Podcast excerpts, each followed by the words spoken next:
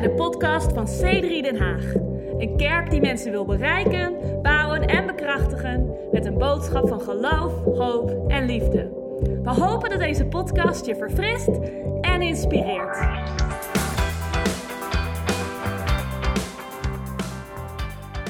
En ehm, ik wil vandaag eh, een tekst voorlezen.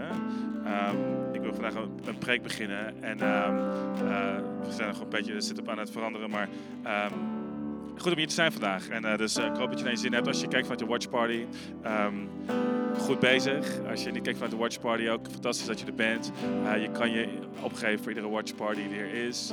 Ehm, we hebben een geweldige tijd als kerk dit seizoen. En we, ehm, we zijn enorm dankbaar voor wat God aan het doen is. Sorry guys, het gaat niet helemaal goed hier. En ik ga gewoon beginnen met een tekst uit Efeze, Ezekiel, hoofdstuk 37. Ben je er klaar voor? Ik, eh, misschien. En we gaan, dat, eh, we gaan het ontdekken. Maar Ezekiel hoofdstuk 37, eh, vers eh 1 tot en met 4. En ik wil het vandaag hebben over authentiek zijn in gemeenschap. En, en, en misschien wil ik de band bedanken om... de band kan gaan zitten. En, dus goed om, om een te zien. Adaya is niet zoveel genoemd deze dienst. Dus eh, kunnen we applaus geven of een, of een chat geven van Adaya will be amazing. Ja. En eh, dus we hebben een goede tijd hier in de studio. De studio is een van onze watchparties geworden. Eh, dus dit is ons moment om kerk samen te doen. En ik denk dat het goed is om te weten dat wij, eh, wij ook kerk nodig hebben. Dit is onze kerk. Dit is eh, het huis van God eh, voor ons. En eh dus ook voor ons is het een moment om op te laden en om bij elkaar te komen. Dus ehm, hey, eh, ik heb een redelijk lange tekst voor je. Dus ik ga gelijk beginnen om hem voor te lezen. En dan gaan we van start. Ben je er klaar voor? Zeg even tegen de persoon naast je, ik ben er helemaal klaar voor. That would be amazing. En dat wordt hier in de studio luid gezegd. Um, alright, Ezekiel 37 vers, vers 1 tot en met 14. En dan gaan we dat beginnen uit te pakken. Daar staat, de hand van de Heere, dus de profeet Ezekiel schrijft, schrijft, de hand van de Heere was op mij. En de Heere bracht mij in de geest naar buiten en zette mij neer midden in een vallei. Dus hier de profeet Ezekiel heeft een visioen, een beeld. En hij zegt, Gods hand rustte op mij. Hij bracht mij in een vallei, in, in dat visioen. En dan, en dan zegt hij, dat die vallei lag vol met beenderen. Hij deed mij er aan alle kanten omheen gaan. En zie, er lagen er zeer veel op de grond van de vallei. En zie, ze waren zeer door. En hij zei tegen mij, mensenkind, zo noemde hij de profeet, zullen deze beenderen tot leven komen? En ik zei, Heere, u weet het. En toen zei hij tegen mij, profiteer tegen deze beenderen en zeg tegen hen, dorre beenderen, hoor het woord van de Heere. En zo zegt de Heere tegen deze beenderen, zie, ik ga de uh, geest in u brengen en u zult tot leven komen. Ik zal pezen op u leggen, vlees op u doen komen en een huid over u heen trekken. En een geest in u geven, zodat u tot leven komt. En dan zult u weten dat ik de Heer ben. En toen profiteerde ik mij zoals mij geboden was. En er ontstond een geluid. En zodra ik profiteerde, zie er was een gedruis. En dan kunnen we verder lezen. Ik ga niet helemaal voorlezen, maar dan zie je dat de beenderen samenkwamen. Um, er kwam huid op zoals uh, de profeet had geprofiteerd. Er ontstond een lichaam. Uh, en vervolgens profiteerde hij dat er leven zou komen. En hij eindigt um, met, um, uh, met een tekst waar hij zegt... En zie, ik zag een heel leger ontstaan. Ik zag een leger komen. En dat was de, de profetie. Dus de, het beeld wat de profeet Ezekiel had, was een beeld van een, een droge vallei vol dorre botten, beenderen. En hij begon te profiteren en uiteindelijk stond er een leger van mensen op. En dit was uh, het volk van Israël, het volk van God, wat dood was, uh, maar nu in dit visioen geprofiteerd was om tot leven te komen. Um, ik wil een moment nemen om te bidden uh, en, dan, um, en dan gaan we deze boodschap met elkaar uitpakken. Um, that will be amazing. Sorry, ik ga, ik ga het gewoon eventjes aanpassen hier, want dit, dit werkt niet voor mij. Eén seconde. Werkt dit? That's amazing. Oké. Okay. Het is super weird als je staat te spreken en, je, en, het, en het, voelt gewoon niet juist. Maar we hebben hier een aantal lampen staan. So, uh, hey, dit is een live, uh, live church. So, that's amazing. Hey, laten we bidden. Vader God, in de naam van Jezus, we danken u op dit moment voor uw Heilige Geest. Uw Geest die in staat is om uw woord te nemen en tot leven te brengen in ons leven, zoals we lezen in deze tekst. Heer, het is uw geest die leven geeft. En zo vragen we, Heer, dat uw, uw geest leven geeft in onze geest, zodat we kunnen horen wat u wil zeggen tegen ons. In de naam van Jezus. Amen. Amen. Zeg even de persoon naast je. Amen. Laat het op zijn Amerikaans zeggen, dat, dat helpt. Dat, uh, dat wordt een stuk uh, krachtiger als we dingen op zijn Amerikaans zeggen. Sommige Nederlandse sprekers kunnen alleen maar Nederlandse volzinnen, Engelse volzinnen uitspreken. Dus hey, amen, brother. Uh, sorry, ik, ik, ben gewoon, um, ik ben gewoon law aan het hebben. En overigens is dat iets waar we in onze kerk toestemming voor geven. Um, het is toegestaan om plezier te hebben in het huis van God. Dus iemand daar dankbaar voor. Iemand? Alright, dit jaar, um, deze zomer waren Nick en ik op vakantie. Uh, we waren in de bergen van Oostenrijk, waar we enorm dankbaar voor waren. Kan ik dit zeggen? Um, ook voor iedereen die niet op vakantie eh, heeft kunnen gaan dit jaar. Uh, wij weten hoe het is. Wij zijn hier voor vijf, zes jaar lang niet in staat geweest om op vakantie te gaan. Maar dit was het eerste jaar dat we in de zomer weer op vakantie konden. En um, een van de laatste dagen mede mogelijk gemaakt door Hilke en Deborah, uh, hadden Nick en ik een middag, uh, of eigenlijk een dag, om even samen met elkaar erop uit te gaan. Um, soms hebben papa's en mama's tijd nodig voor elkaar. Alle kinderen die uh, eventueel meekijken, goed om dat te weten. En dus wij huurden twee e-bikes, um, fietsten 30 kilometer um, een vallei in, of een, of een vallei op eigenlijk, want het was bergopwaarts. Um, helemaal tussen twee bergen, geen enkele wifi-verbinding, zelfs niet eens een telefoonsignaal meer. En we fietsten tot het einde van de weg. Um, dit is misschien een moment voor mensen om even een hashtag te plaatsen. Boys to Man, End of the Road. If jullie kent dat nog. Ik begon het ook te zingen toen we aan het einde van de weg waren. Want hoe vaak, hoe vaak kom je in Nederland aan het einde van de weg? Wel ja, als je een doodlopende weg hebt van 10 meter. Maar dit, was, dit voelde echt gewoon als een, een soort van... We waren aan het einde van de wereld beland. Um, en uh, dus we, zetten onze fietsen neer. Uh, we deden op slot. Zoals een goede Nederlander gewend is om te doen. En we beklommen een pad die, die gemaakt was van losse rotsblokken of eigenlijk gewoon rotsen. En het is zo apart als je, uh, we, we liepen dat pad een uur omhoog. En ik weet niet hoe het met jou zit, maar als je zo'n natuurlijk pad ziet, ergens in de bergen, dan vraag ik me altijd af wie de visie en nog belangrijker, wie de energie heeft gehad om dat aan te leggen. Kun je je voorstellen als je, in een, als je, als je denkt van oké, dit is een mooie plek, uh, dit is een mooie plek om een weg aan te leggen, dat je het idee hebt, maar dat je het vervolgens ook nog doet. Want ik kan me niet voorstellen dat je dat doet met hijskranen of, ik weet nooit precies hoe dat gedaan wordt, maar iemand had het idee om rotsblokken te leggen en daarmee een uur lang een pad in de bergen te maken. Dus wij liepen over dat pad. Het was een pad naar een restaurant, een bergalm. Uh, dus waarschijnlijk waren het de eigenaren van de bergalm die dat idee hadden. Um, in een ondernemingsgeest. Maar het is enorm bijzonder, omdat het waren allemaal natuurlijke gewoon stenen. En we wonen in Nederland. En wie weet dat we in Nederland is er eigenlijk heel erg weinig wat gemaakt is van natuur.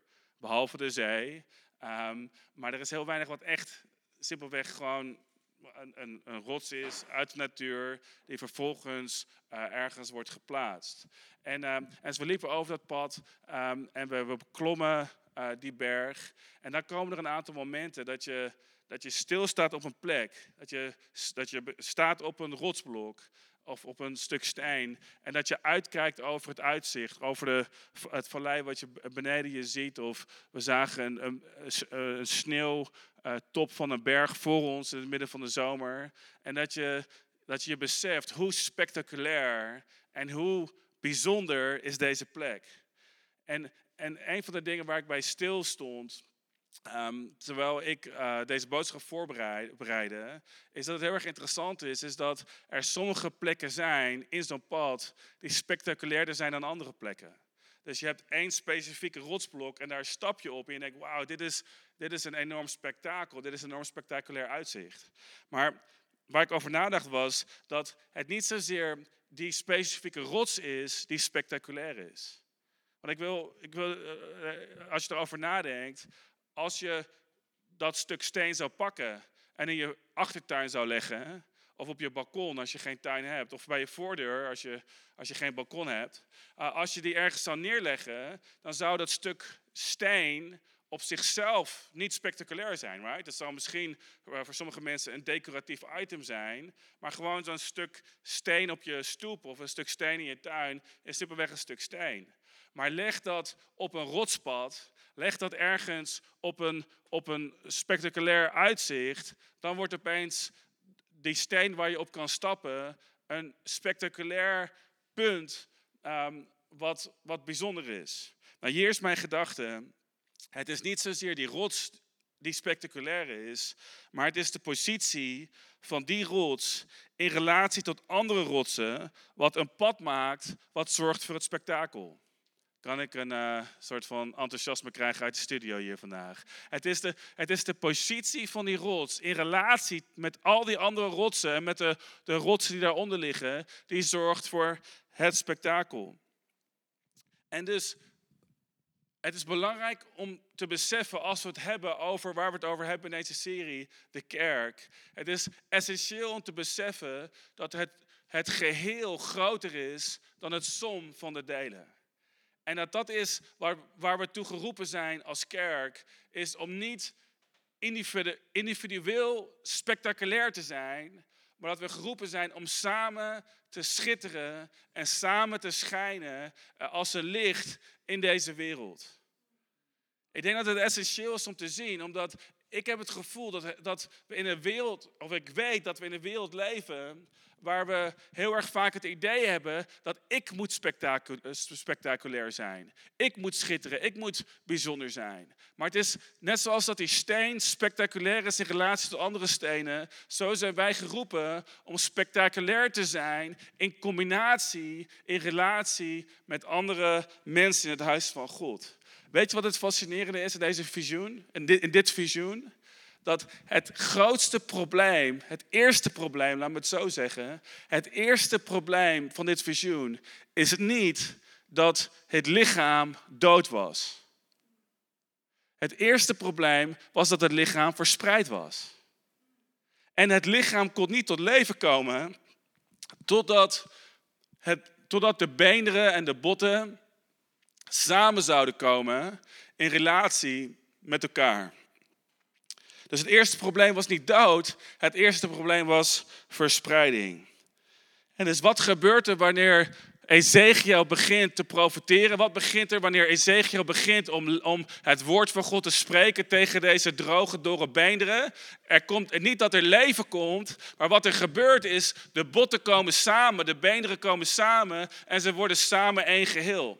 En, en dit is de gedachte die ik met je wil delen. Voordat de geest van God de kerk tot leven kan brengen, zullen we onze positie moeten vinden in relatie met andere gelovigen in het lichaam van Christus.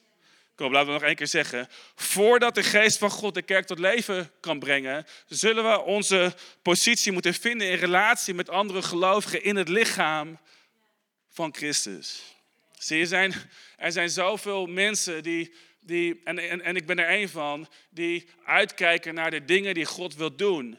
Ehm, er zijn mensen die het hebben over eh, God zal een op, opwekking brengen of er gaat iets gebeuren. Er zijn nummers uh, uh, die we kunnen zingen over opwekking, waar ik enorm enthousiast over, over ben. Sterker nog, ik, ik hoorde laatst één nummer van Hillsong, Lord Send Revival, wat ehm, wat ik eigenlijk als een suggestie wil geven aan onze worshipteam, omdat ik denk dat het een enorm goed nummer zou zijn. Uh, maar goed, ik probeer al jarenlang uh, toegang te krijgen tot het worshipteam. Uh, ik heb al meerdere audities gedaan, maar ik word nooit toegelaten. Dus wie weet, wie weet gebeurt het ooit eens. Maar, maar we kunnen nummers luisteren, we kunnen bidden voor opwekking. Maar heel erg vaak staan we niet bij stil dat er pas leven kan komen als we samen zijn. Efeze, we hebben het gehad in deze serie, Efeze hoofdstuk 2. Um, je te zoeken, Michiel, want hij staat niet, uh, staat in de computer. Maar Efeze hoofdstuk 2 geeft aan dat wij samen gebouwd worden tot een tempel waar de Heilige Geest in kan wonen. Niet individueel, maar samen worden wij gebouwd tot een tempel waar Gods geest leven kan geven. Dus we zullen eerst samen moeten komen. We zullen eerst onze positie moeten vinden in relatie met anderen voordat er leven kan komen in het lichaam van Christus. Er is geen opwekking waar, die ik ken in de geschiedenis van de mensheid die tot stand is gebracht door, uh, of die, die tot stand kwam zonder dat het een impact had in een gemeenschap. Iedere opwekking die we zien is een opwekking van een gemeenschap en geen opwekking van individualisten. En dus het is ook geen wonder dat, dat de dag van Pinkster in Handelingen hoofdstuk 2, dat dat kwam toen, zoals we kunnen lezen in Handelingen 2 vers 1, dat toen de dag van het Pinksterfeest vervuld werd, waren zij samen eensgezind bij één in één plek. En toen staat er, plotseling kwam er uit de hemel een geruis, als van een geweldige windvlaag, en dat vervulde het huis waar zij zaten. Als ik die tekst lees, dan, dan doet het me denken aan het geruis wat de profeet Ezekiel hoorde toen hij leven begon te profiteren. En er kwam een, geruis van, van een beetje, dit wordt een beetje een horrorfilm, van, van droge, dorre botten die samen beginnen te komen en die beginnen om een geheel te vormen en die beginnen om een lichaam te vormen of lichamen te vormen, zodat er later een groot leger zou kunnen staan. Maar al die botten moesten samenkomen. Ik denk dat dat zo is omdat de geest van God kon alleen leven brengen in de kerk als de gelovigen samen waren in één plek. En luister, dat woord bijeen wat er staat in Handelingen hoofdstuk 2, spreekt niet alleen maar over samen zijn in dezelfde plek. Of dat woord eensgezind spreekt niet alleen maar over, over dat ze hetzelfde dachten. Dat woord is letterlijk hetzelfde woord wat we gebruiken voor het, het spelen van een akkoord. Uh, de Engelse uh, vertalingen schrijven, they were together in one accord. Ze waren in andere woorden, in harmonie met elkaar. Ze speelden hetzelfde akkoord. Um, ze waren bezig met hetzelfde ritme. Ze waren bezig met dezelfde melodielijn. Nou, mijn mijn uh, muziekkennis houdt op op dit moment. Maar ze, ze speelden tonen die in harmonie waren met elkaar. Die samen één toon creëerden. En het is geen toeval dat dat het moment was dat de geest van God leven bracht in de kerk. En dat de kerk ontstond. Dus net zoals iedere steen op een pad die op een unieke plaats gepositioneerd is, vanwege hun vorm en vanwege hun grootte in het pad, zo wil God jou positioneren in relatie met andere gelovigen in het huis van God, um, met jouw unieke vorm in gedachten. Dus ik wil je vandaag twee vragen stellen uh, in deze super inspirerende uh, boodschap. Ik wil je twee vragen stellen. De eerste vraag is: sta je God toe om jou te plaatsen in onderlinge afhankelijkheid van andere gelovigen in één lichaam? Ik denk dat het een vraag is die dieper gaat dan we soms denken. Sta je God toe om jou te plaatsen in onderlinge afhankelijkheid van andere gelovigen in één lichaam? En ik denk dat dat een beangstigend iets is. Want wij zijn gewend om te denken in onafhankelijkheid. Maar God denkt in onderlinge afhankelijkheid. En, en dat is spannend en dat is, um, dat is soms beangstigend. Maar dit is waar leven kan komen. Dit is waar opwekking kan ontstaan. Opwekking begint wanneer wij samenkomen in onderlinge afhankelijkheid. Opwekking begint wanneer wij samenkomen, eh, een, eensgezind zijn, in één akkoord zijn samen met andere gelovigen. Opwekking komt wanneer wij gepositioneerd worden naar de wil van God. Kom op iemand. Opwekking komt wanneer wij gepositioneerd worden naar de roeping van God. Opwekking komt wanneer iedere wanneer iedere steen, ieder, ieder onderdeel hun unieke plaats kent vanwege hun unieke roeping en unieke vorm. Opwekking komt wanneer we samenkomen zonder onderlinge concurrentie. Kom op iemand. Opwekking komt wanneer wij weten wat succes is voor ons. En opwekking komt wanneer we weten hoe vruchtbaarheid eruit ziet voor mij in relatie met andere gelovigen. Zie, ik denk dat het tijd is om niet zozeer alleen maar na te denken over wat is Gods plan voor mijn leven. Ik denk dat het tijd is om na te denken, wat is Gods roeping voor de kerk? En ik zou je dit zeggen, dat, dat wij hebben allemaal een unieke gave en een unieke vorm, een unieke positie die wij kunnen toevoegen, die kan zorgen voor spektakel. Maar ik wil je aanmoedigen vandaag dat dit, dit spectaculaire licht, deze spectaculaire uh, uitzichten, deze spectaculaire visioenen alleen tot uiting kunnen komen als we staan in relatie met andere gelovigen. Ik denk dat het tijd is om te stoppen met individualisme. Ik denk dat het tijd is om te beginnen met, met het zijn van een gemeenschap. En in een gemeenschap is er ruimte voor individualisten, ehm, maar die, voor, voor individualisme, um, want de Bijbel zegt, als, als, als Paulus het heeft over één lichaam, zegt hij, jullie zijn één lichaam, maar leden um, op individueel gebied. Zie, wij zijn wij hebben iets individueels te brengen. Wij hebben iets unieks te brengen. En daar gaat mijn tweede vraag over. Dus mijn eerste vraag is: sta je God toe om jou te plaatsen in onderlinge afhankelijkheid met andere gelovigen in één lichaam? De tweede vraag is: sta je God toe om jou vorm te geven? Sta je God toe om jou, jouw unieke vorm te geven? Zie, er is een unieke vorm die, die, waar God jou in wil vormen. Er is een um, unieke manier waar God je op heeft gemaakt, maar God is niet klaar met jou. En ik wil het zo duidelijk maken dat, dat eenheid, het onderdeel zijn van het lichaam, is niet hetzelfde als uniformiteit. De wereld heeft een mal.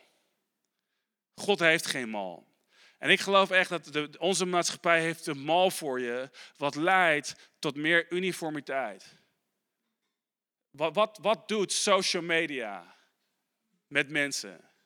Een van de dingen in, in, in de gedachten waarvan, waarin we denken dat social media ons de gelegenheid geeft om een unieke expressie te geven van onze persoonlijkheid. Wat het in feite doet, is het maakt ons meer en meer uniform aan elkaar. Omdat we, we kijken naar elkaar en we, en we vergelijken onszelf met anderen. En hoe, hoe, hoe, meer we dat doen, hoe meer er een mal kan ontstaan waarin wij um, gevormd moeten worden. Is het je opgevallen dat, dat de diversiteit van meningen minder en minder gewenst wordt op social media?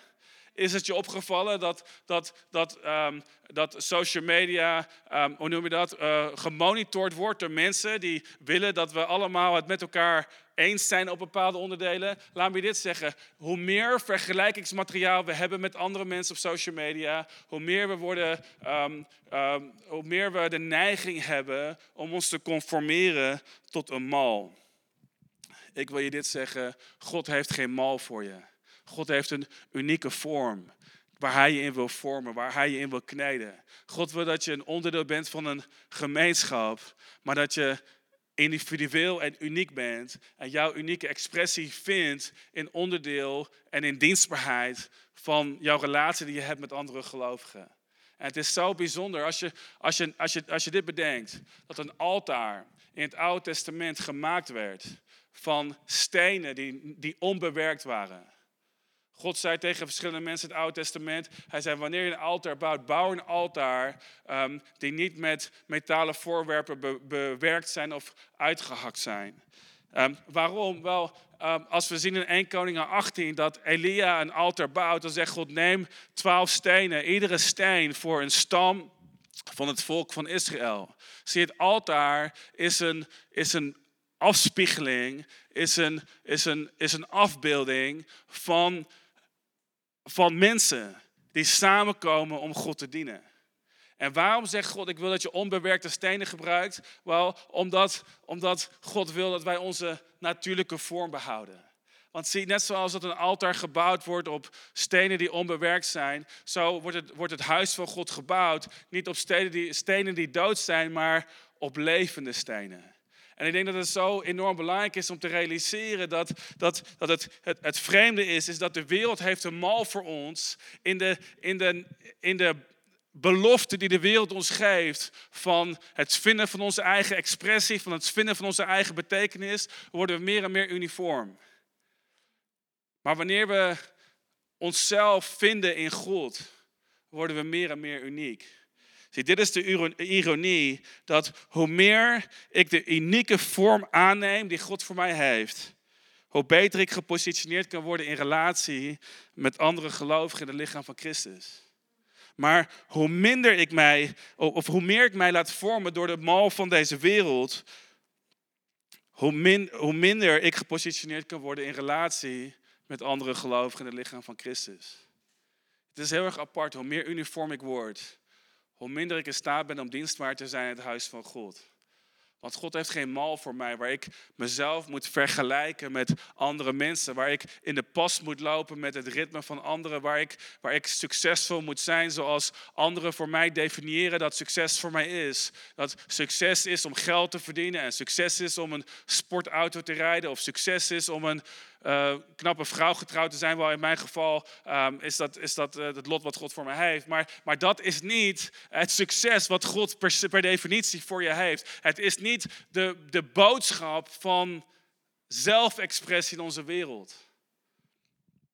Ik denk dat het Gods roeping is om uniek te zijn. Dus sta je God toe om jou vorm te geven. Ik wil de band vragen om naar voren te komen. Ik wil nog één tekst voorlezen. Een tekst die we indirect hebben besproken, maar die ik gewoon heel duidelijk wil voorlezen als 1 Petrus 2, vers 4 tot en met 5. 1 Petrus 2, vers 4 tot en met 5. En daar schrijft Petrus naar de kerk, naar jou mij. Hij zegt, er kom naar hem, naar Jezus toe, als een levende steen, die wel door de mensen verworpen is, maar bij God uitverkoren en kostbaar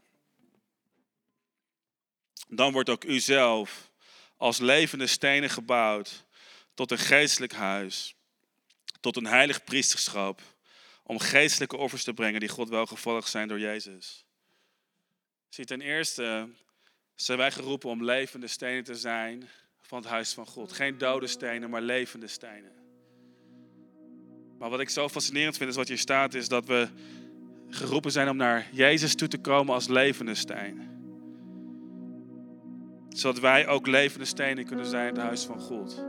En laat me je dit zeggen, dat wij alleen maar levend kunnen zijn als we komen naar de levende steen. Want het is Jezus die ons leven geeft. Het is Jezus die ons, die, die ons de geest van God geeft en adem inblaast. Het is Jezus die, net zoals we lezen in Ezekiel, die adem blaast in een lichaam wat, wat gevormd is en wat bij elkaar is. Het is de Heilige Geest is de geest van Jezus. En ik denk dat het belangrijk is en essentieel is om te realiseren dat we alleen maar leven kunnen hebben. Dit, alleen maar dit leven kunnen hebben in Hem.